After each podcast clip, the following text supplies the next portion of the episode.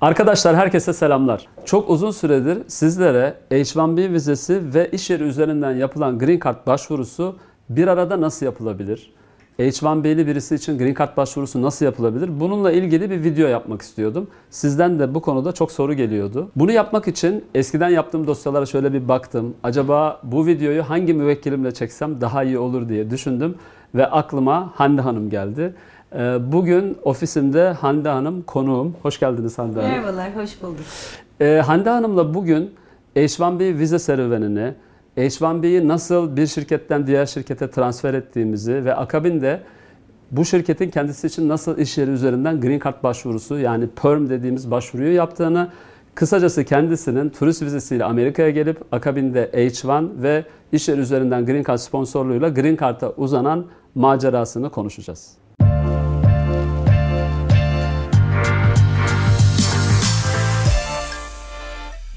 Evet, isterseniz önce birazcık Hande Hanım'ı tanıyalım. Hande Hanım hoş geldiniz ofise. Hoş bulduk. Teşekkürler Çok- davet ettiğiniz için. Rica ederim. Ben çok teşekkür ederim geldiğiniz için. Aslında biz bu çekimi yapmayı bayağı bir planladık ama araya hep böyle farklı aksilikler Maalesef. girdi. Nerelisiniz Türkiye'den? Ondan sonra Amerika ile ilişkiniz nasıl başladı? İsterseniz biraz buradan başlayabiliriz. İzmirliyim. Ee, çok uzun, aslında 8 seneyi doldurmuş bile olduk. Bir düşününce dün gelmiş gibiyim ama bayağı zaman oldu. Ee, kardeşim burada yaşıyor zaten. Dolayısıyla o uzun seneler önce taşınmıştı. 20 küsur kadar yıl oldu. Ee, onu ziyarete çok sık gidip geliyordum. O sırada e, aslında aklımda olmamasına rağmen kardeşim vasıtasıyla tanıştığım bir iki firmadan e, iş teklifi aldım. Dolayısıyla Amerika'da yaşama fikri o şekilde ortaya çıktı. Evet aslında e, takipçilerimiz çoğu zaman e, bir iş yerinden nasıl iş teklifi alınır, bir H1 şirketini nasıl buluruz gibi sorular soruyorlar. Bununla ilgili benim yapmış olduğum ayrı bir video var. H1B sponsoru nasıl bulunur diye. Ama genel itibariyle e, bu da bir metot. E, Amerika'ya gittikçe geldikçe buradaki akrabalar, buradaki tanıdıklar vasıtasıyla e, bir şirketle tanışmak, onlardan bir iş teklifi almak da bizim sıkça duyduğumuz bir Evet. konu. Tabii konuştuğumuz vize H1B vizesi. Dolayısıyla kotaya tabi olan bir vize. Evet. Ee, yanlış hatırlamıyorsam o dönemde birden fazla şirket size iş teklifinde bulunmuştu. Doğru, şanslıydım diyelim. E, iki tane firmadan teklif aldım. Her ikisinden de e, vize başvurusunda bulunduk. E, sizin aracılığınızda. Evet aslında şöyle diyelim. Ee, öncelikle H1B'de bir registration zamanı var. Kota, H1B kotasına girmek için şirketlerin ve şahısların registration yaptırması, kayıt yaptırması gerekiyor. Her iki şirketi de Hande Hanım'a başvuru yapabilmesi için kayıt yaptırdık. Normalde bunu biz kotadan çıkma şansımız artsın diye yapıyoruz. Fakat çok enteresan bir şey oldu. Hande Hanım'a iki şirketten yapılan başvuruda kayıtta çıktı. Dolayısıyla kotadan iki şirket birden çıkınca Hande Hanım'a sorduk hangi şirketle devam etmek istiyorsunuz? Siz sanırım o zaman şirketlerle konuşup biriyle devam etmeye e, karar verdiniz. Ve biz de karar verdiğiniz şirket üzerinden H1B başvurusu yapmaya karar verdik. O süreçte e, ki hislerinizi biraz anlatabilir misiniz? Çünkü avukat tarafından biz hani prosedür nasıl olur diye hep anlatıyoruz ama kendisi için başvuru yapılan birisi açısından H1B başvuru süreci nasıl bir süreç? Öncelikle her şeye sıfırdan başlayacaksınız. Evet. Büyük bir karar. Aynen dediğiniz gibi e, bir şirketle devam etmeye karar verdim. Böylelikle Türkiye'de hali hazırda çalışıyor olduğum firmadan ayrıldım ve buraya taşındım. Buraya e, taşındıktan sonra tabii ki e, yani Amerika'da yaşam dışarıdan göründüğü gibi değil. E, hiçbir yerde olduğunu da zannetmiyorum. Bir alışma süreci, alışma dönemi oluyor ve o H1B e, sürecinde e, en yakınen sizler biliyorsunuz, şahitsiniz. E, elbette ki doktorlar için belki operasyon çok e, kolay bir işlem bile olsa o anda masadaki insan için çok çok zor. Evet. Ülke değiştirmek başlı başına zor bir süreç. Ee, ülke değiştirmenin ötesinde Amerika'daki yeni sisteme alışmak, bu H1B sürecini beklemek, e, bu dönemde tabii e, çıkan yeni prosedürler bunları siz çok daha iyi ifade edersiniz. Bu RFI'den Evet. Tabii şimdi H1B öyle bir vize ki kotadan çıktıktan sonra dosyayı bu sefer göçmenlik bürosuna gönderiyorsunuz. Onların inceleyip geri dönmesini bekliyorsunuz. Evet. Bu birkaç ayda sürebilir. Dosyayı hızlandırdıysanız 15 gün içinde de geri dönebilirler. Bu geri dönüş de ya bir kabul ya da dosyanın sorgulanması şeklinde oluyor. Bu sorgulamaya RFI yani Request for Evidence deniyor. Hande Hanım'ın dosyasında da yanlış hatırlamıyorsam bir sorgulama almıştık ve çok ciddi bir sorgulamaydı. e, specialty occupation dediğimiz yani bu pozisyon gerçekten üniversite derecesi gerektiriyor mu sorgulaması ki H1B dosyalarının en sık karşılaşılan sorgulama tarzıdır. O dönemde belki biraz umutsuzluğa kapıldınız mı sorgulama gelince? Ee, oldukça telaşlandım. Ee, panikledim diyelim hatta. Tüm çalışanlarına teşekkür etmek istiyorum tekrar. Çünkü kendi aile bireylerine yardım edermişçesine her telefon açtığımda e, ve bilgi e, rica ettiğimde detaylı bir şekilde e, sürecin nasıl olacağını her çalışan gerçekten bu konuda çok yardımcı oldular. Evet. Biz de teşekkür ederiz. Siz de iyi bir müvekkildiniz. e, çünkü e, gerçekten o süreçte bazen artık avukat olma kimliğinden çıkıp aynı zamanda bir dert ortağı e, noktasına gelebiliyorsunuz. Evet. Ee, çünkü özellikle müvekkiller bu süreci ilk defa yaşıyorlarsa, daha önce böyle bir tecrübeleri yoksa bu daha çok oluyor.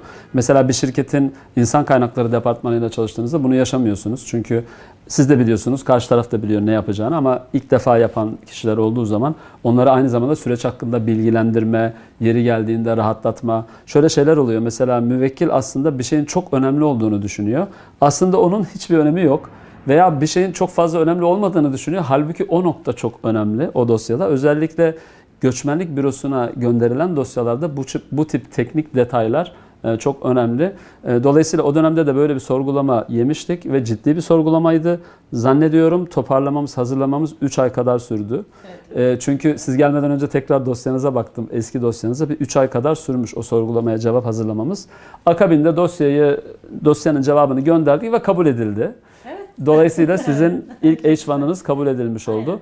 H1 kabul edildikten sonra nasıl bir e, seyir oldu? Şirketteki pozisyonunuz neydi? Memnun kaldınız mı her şeyden?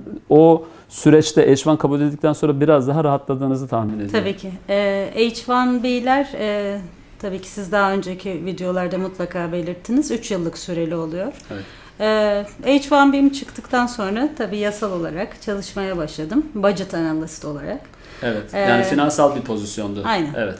Ee, üç yılın e, bitmek üzereyken e, şirketin o dönem e, bazı e, finansal sıkıntıları oluştu.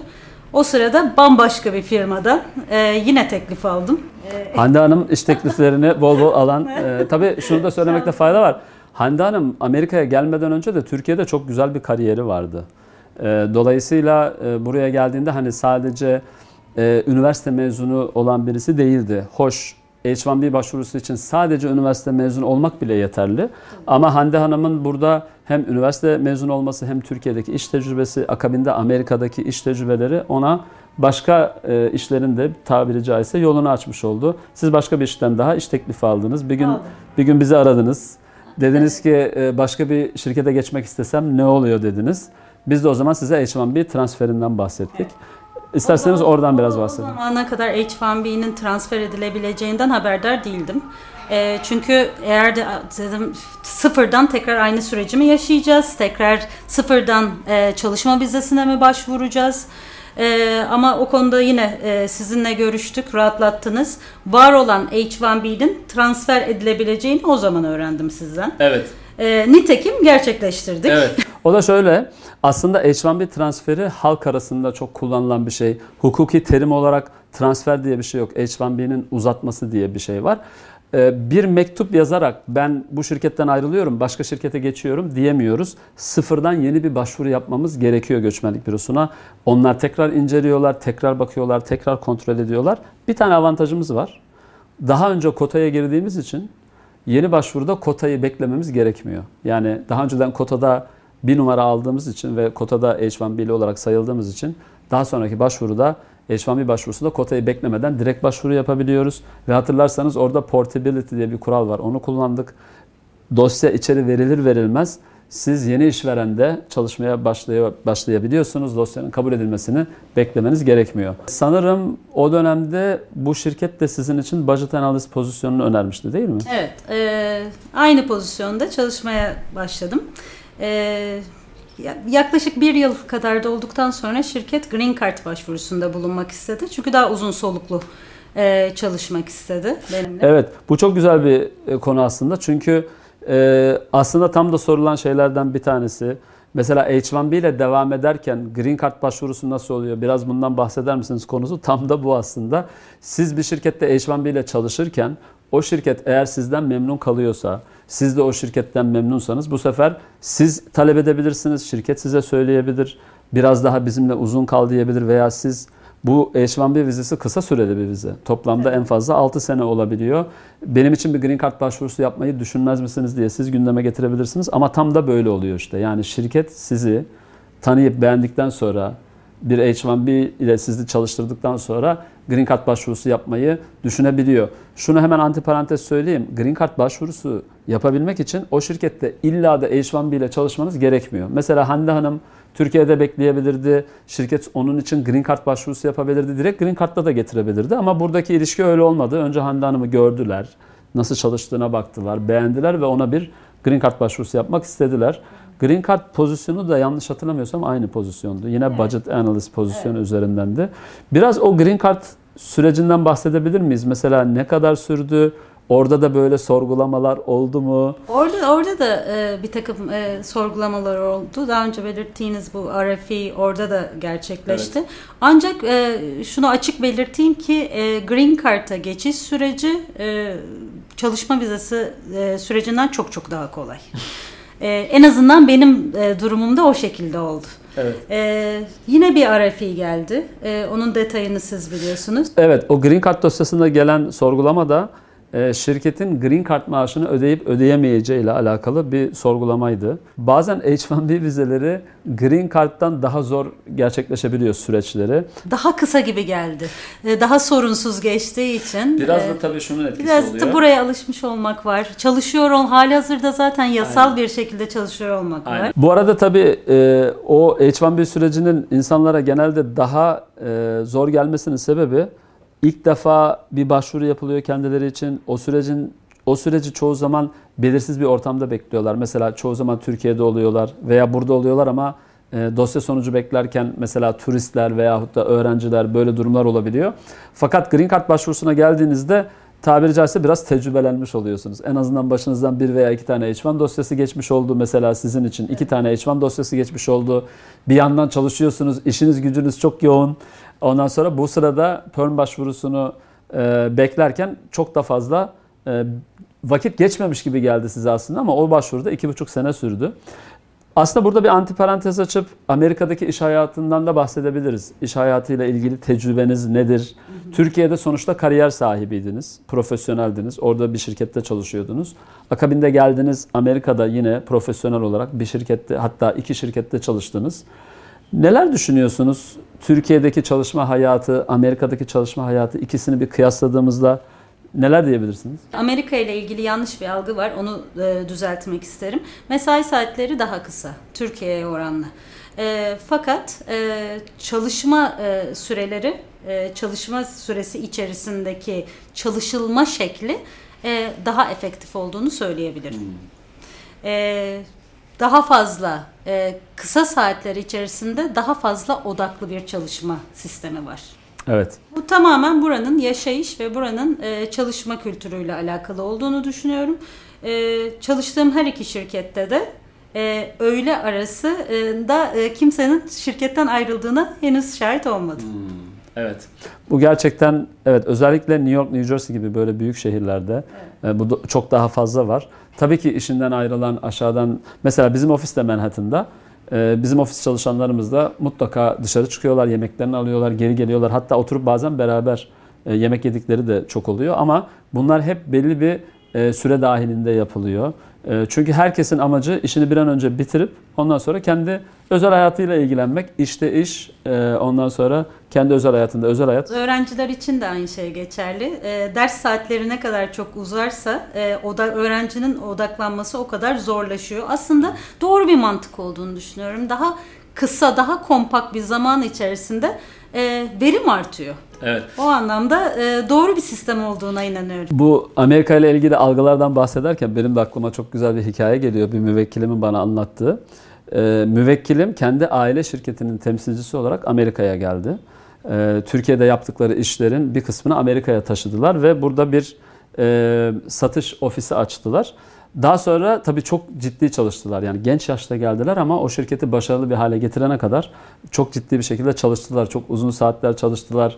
Ee, şu anda 20. senesine yakın o şirket ve çok iyi bir noktaya geldi. O kadar iyi bir noktaya geldi ki Türkiye'deki şirketi kapatıp bütün aile buraya geldi. O kadar iyi bir noktaya geldiler. Bu arkadaşım e, Amerika'ya geldiğinin 4. 5. yılında ailesine bir gün diyor ki e, ben diyor bir hafta tatil alıyorum. Kaliforniya'ya gideceğim diyor. Çünkü iş yerleri New Jersey'de. Bir hafta Kaliforniya'ya gideceğim. Niye oğlum Kaliforniya'ya gidiyorsunuz? E, tatile gidiyoruz diyor. Baba tatile gidiyoruz diyor. Babası diyor ki oğlum siz zaten Amerika'da değil misiniz diyor. Bu hikayeyi çok beğeniyorum çünkü yani Amerika'daysan zaten tatilde değil misin gibi bir algı var ama gerçekten burada e, çalışma saatleri e, mesela bazı durumlarda çalışma saatleri çok e, belli ama bazen özellikle kendi işiniz varsa çalışma saatlerinin sonu yok. E, bir sürü işi kendiniz yapmak zorunda kalıyorsunuz. Böyle gerçekleri de var Amerika'nın. E, peki Green Card sürecinden devam edelim. Daha sonra bu sorgulamalardan sonra Green Card'ınız kabul edildi. Evet. Ee, kabul edildikten sonra yine aynı pozisyondu. Budget Analyst pozisyonuydu. Bütçe ee, analizi. Bir süre daha aynı pozisyonda devam ettim. Evet. Ee, daha sonra da pozisyon değişikliğim oldu. Hı hı. Ee, Operations Manager e, olarak e, Şirketi terfi oldum. eden kişi ee, pozisyonuna geldiniz. Departmanımı diyelim. Evet.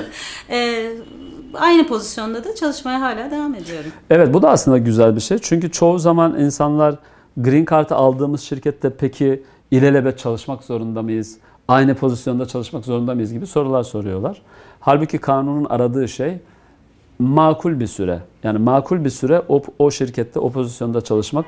Mesela sizde olduğu gibi o şirkette çalışmanın belli bir noktaya gelmesi, sizin artık kendinizi daha iyi göstermeniz, daha sonra şirketin size promosyon vermesi, sizi bir başka pozisyona alması söz konusu olabilir. Hatta bazen kişiler green card aldıkları şirkette belli bir süre çalıştıktan sonra başka şirketlere de geçiş yapabiliyorlar. Ama siz belli ki Henüz başka bir teklif yerde, almadınız. E, olduğunuz yerde mutlusunuz. E, Allah bozmasın diyelim. İnşallah bu şekilde devam eder.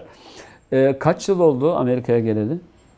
E, Amerika'ya geleli 8 sene olmak üzere. Evet. E, 7,5 sene oldu diyelim. Bu soruyu da soruyorsunuz.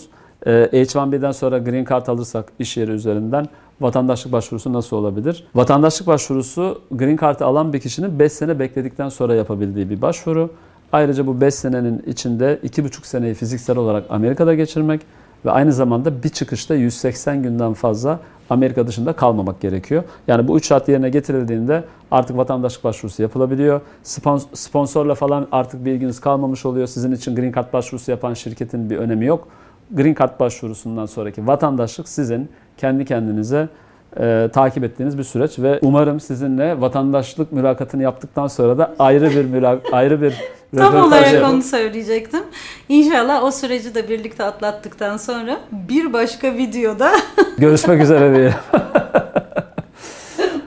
Çok keyifli bir sohbet oldu gerçekten. Ee, özellikle bu prosedürü merak edenler için sizin yaşamış olduğunuz tecrübe çok önemli diye düşünüyorum. Ee, çok teşekkür ediyorum. Geldiniz, vakit ayırdınız. Son olarak kapatırken söylemek istediğiniz bir şeyler var mı takipçilerimize? Ben çok teşekkür ederim davet ettiğiniz için. Benim için de çok keyifli bir sohbet oldu. Ee, evet, e, basit bir süreç olduğunu söyleyemeyeceğim. Oldukça meşakkatli, oldukça sıkıntılı bir dönem belki yaşayan için. Ama e, daha önce de belirttiğim gibi sizler bu süreci çok çok kolaylaştırdınız. Teşekkür ederiz. Tekrar teşekkür ediyorum her tür desteğiniz için. Rica ederim. Bizim her zaman zaten yapmaya çalıştığımız şey benim eski patronumun tabiriyle e, biz Türklerin Amerika'ya yumuşak iniş yapmasını sağlıyoruz derdi. Mümkün olduğu kadar bunu yapmaya çalışıyoruz. Yani gerçekten Türkiye'den gelen, buradaki düzeni bilmeyen veya buradaki düzene sonradan alışacak olan, sistemi bilmeyen, vize başvurularını bilmeyen veya bunların bir kısmını bilse bile bütün bu prosedürün içinden daha önce geçmemiş olan kişilerin Amerika'ya yumuşak iniş yapmaları için elimizden geleni yapıyoruz. Bir işte ne kadar uzmansanız karşı taraftan e, izlendiği zaman o iş o kadar basit ve hmm. rahat gözüküyor. E, ben ne zaman e, sizinle çalıştığımda, konuştuğumda bana çok meşakkatli, çok zor ve karışık gelen bütün süreçler çok basit işlenmiş gibi geldi. Aa, bu çok güzel bir iltifat. Teşekkür ederim. Öyle ama. çok teşekkür ederim. Çok sağ olun. Ee, arkadaşlar Hande Hanım'a hani Hande Hanım'la önceden anlaştık da buraya gelin bunları söyleyin gibi bir durum olmadı. Yanlış anlaşılmasın ama ben Hande Hanım'la belki e, 6-7 sene önce çalışmaya başladım. Ama samimiyetimiz ve e, birlikteliğimiz, arkadaşlığımız devam etti. Ben de kendisinin çok iyi bir müvekkil olduğunu düşündüm hep. Çünkü bir müvekkilin kendi dosyası için yapabileceği en iyi şey her zaman avukatın ondan istediği şeyleri zamanlı ve eksiksiz bir şekilde yerine getirmesidir. Çoğu zaman müvekkillerde işte 5 tane şey istiyoruz. Üçünü gönderip bunlar yetmez mi? Öbür ikisini göndermesek olmaz mı? İşte bir tane gönderip geride ne kaldıysa siz bize tekrar bir liste yapın gönderin onları gönderelim. Bunlar olduğu zaman tabii ki aslında insanlar kendi dosyaları için iyi şeyler yapmış olmuyorlar. Evet biz hala peşlerine düşüyoruz. Hala o 5 dokümandan biri geldiyse 4'ünü almaya çalışıyoruz. Ama bu sefer verim düşebiliyor. Bu noktada da siz hep çok iyi bir müvekkildiniz. Biz ne istiyorsak e, zamanında gönderdiniz, vakitli bir şekilde gönderdiniz. Bu sürecin iyi işlemesinde sizin de mutlaka çok büyük bir e, katkınız oldu. Şirketleriniz çok e, işbirliğine açıktılar. Dolayısıyla biz de size tekrar teşekkür ediyoruz. Tekrar Green Card'ınız hayırlı uğurlu olsun diyoruz. İnşallah vatandaşlıkta görüşürüz İnşallah. diyoruz. Bugün sizlere H1B vizesi ve bununla beraber yapılan Green Card başvurusunda yaşanabilen olumlu durumlar, olumsuz durumlar ve bu sürecin nasıl ilerlediği ile alakalı biraz bilgi vermek istedim. Benim açımdan bunu sadece bir avukat olarak anlatmak değil ama bir müvekkilimin gözünden anlatabilmek, onun hislerini sizinle paylaşabilmek önemliydi. Bu yayın için tekrar Hande Hanım'a çok teşekkür ediyorum. Umarım videoyu beğenirsiniz. Sorularınız varsa lütfen yorumlar kısmına sorularınızı bırakın. Elimden geldiğince, mümkün olduğunca cevap vermeye çalışacağım. Videoyu ilgi duyacağını düşündüğünüz kişilerle paylaşabilirsiniz. Hepinize iyi günler diliyorum. Görüşmek üzere.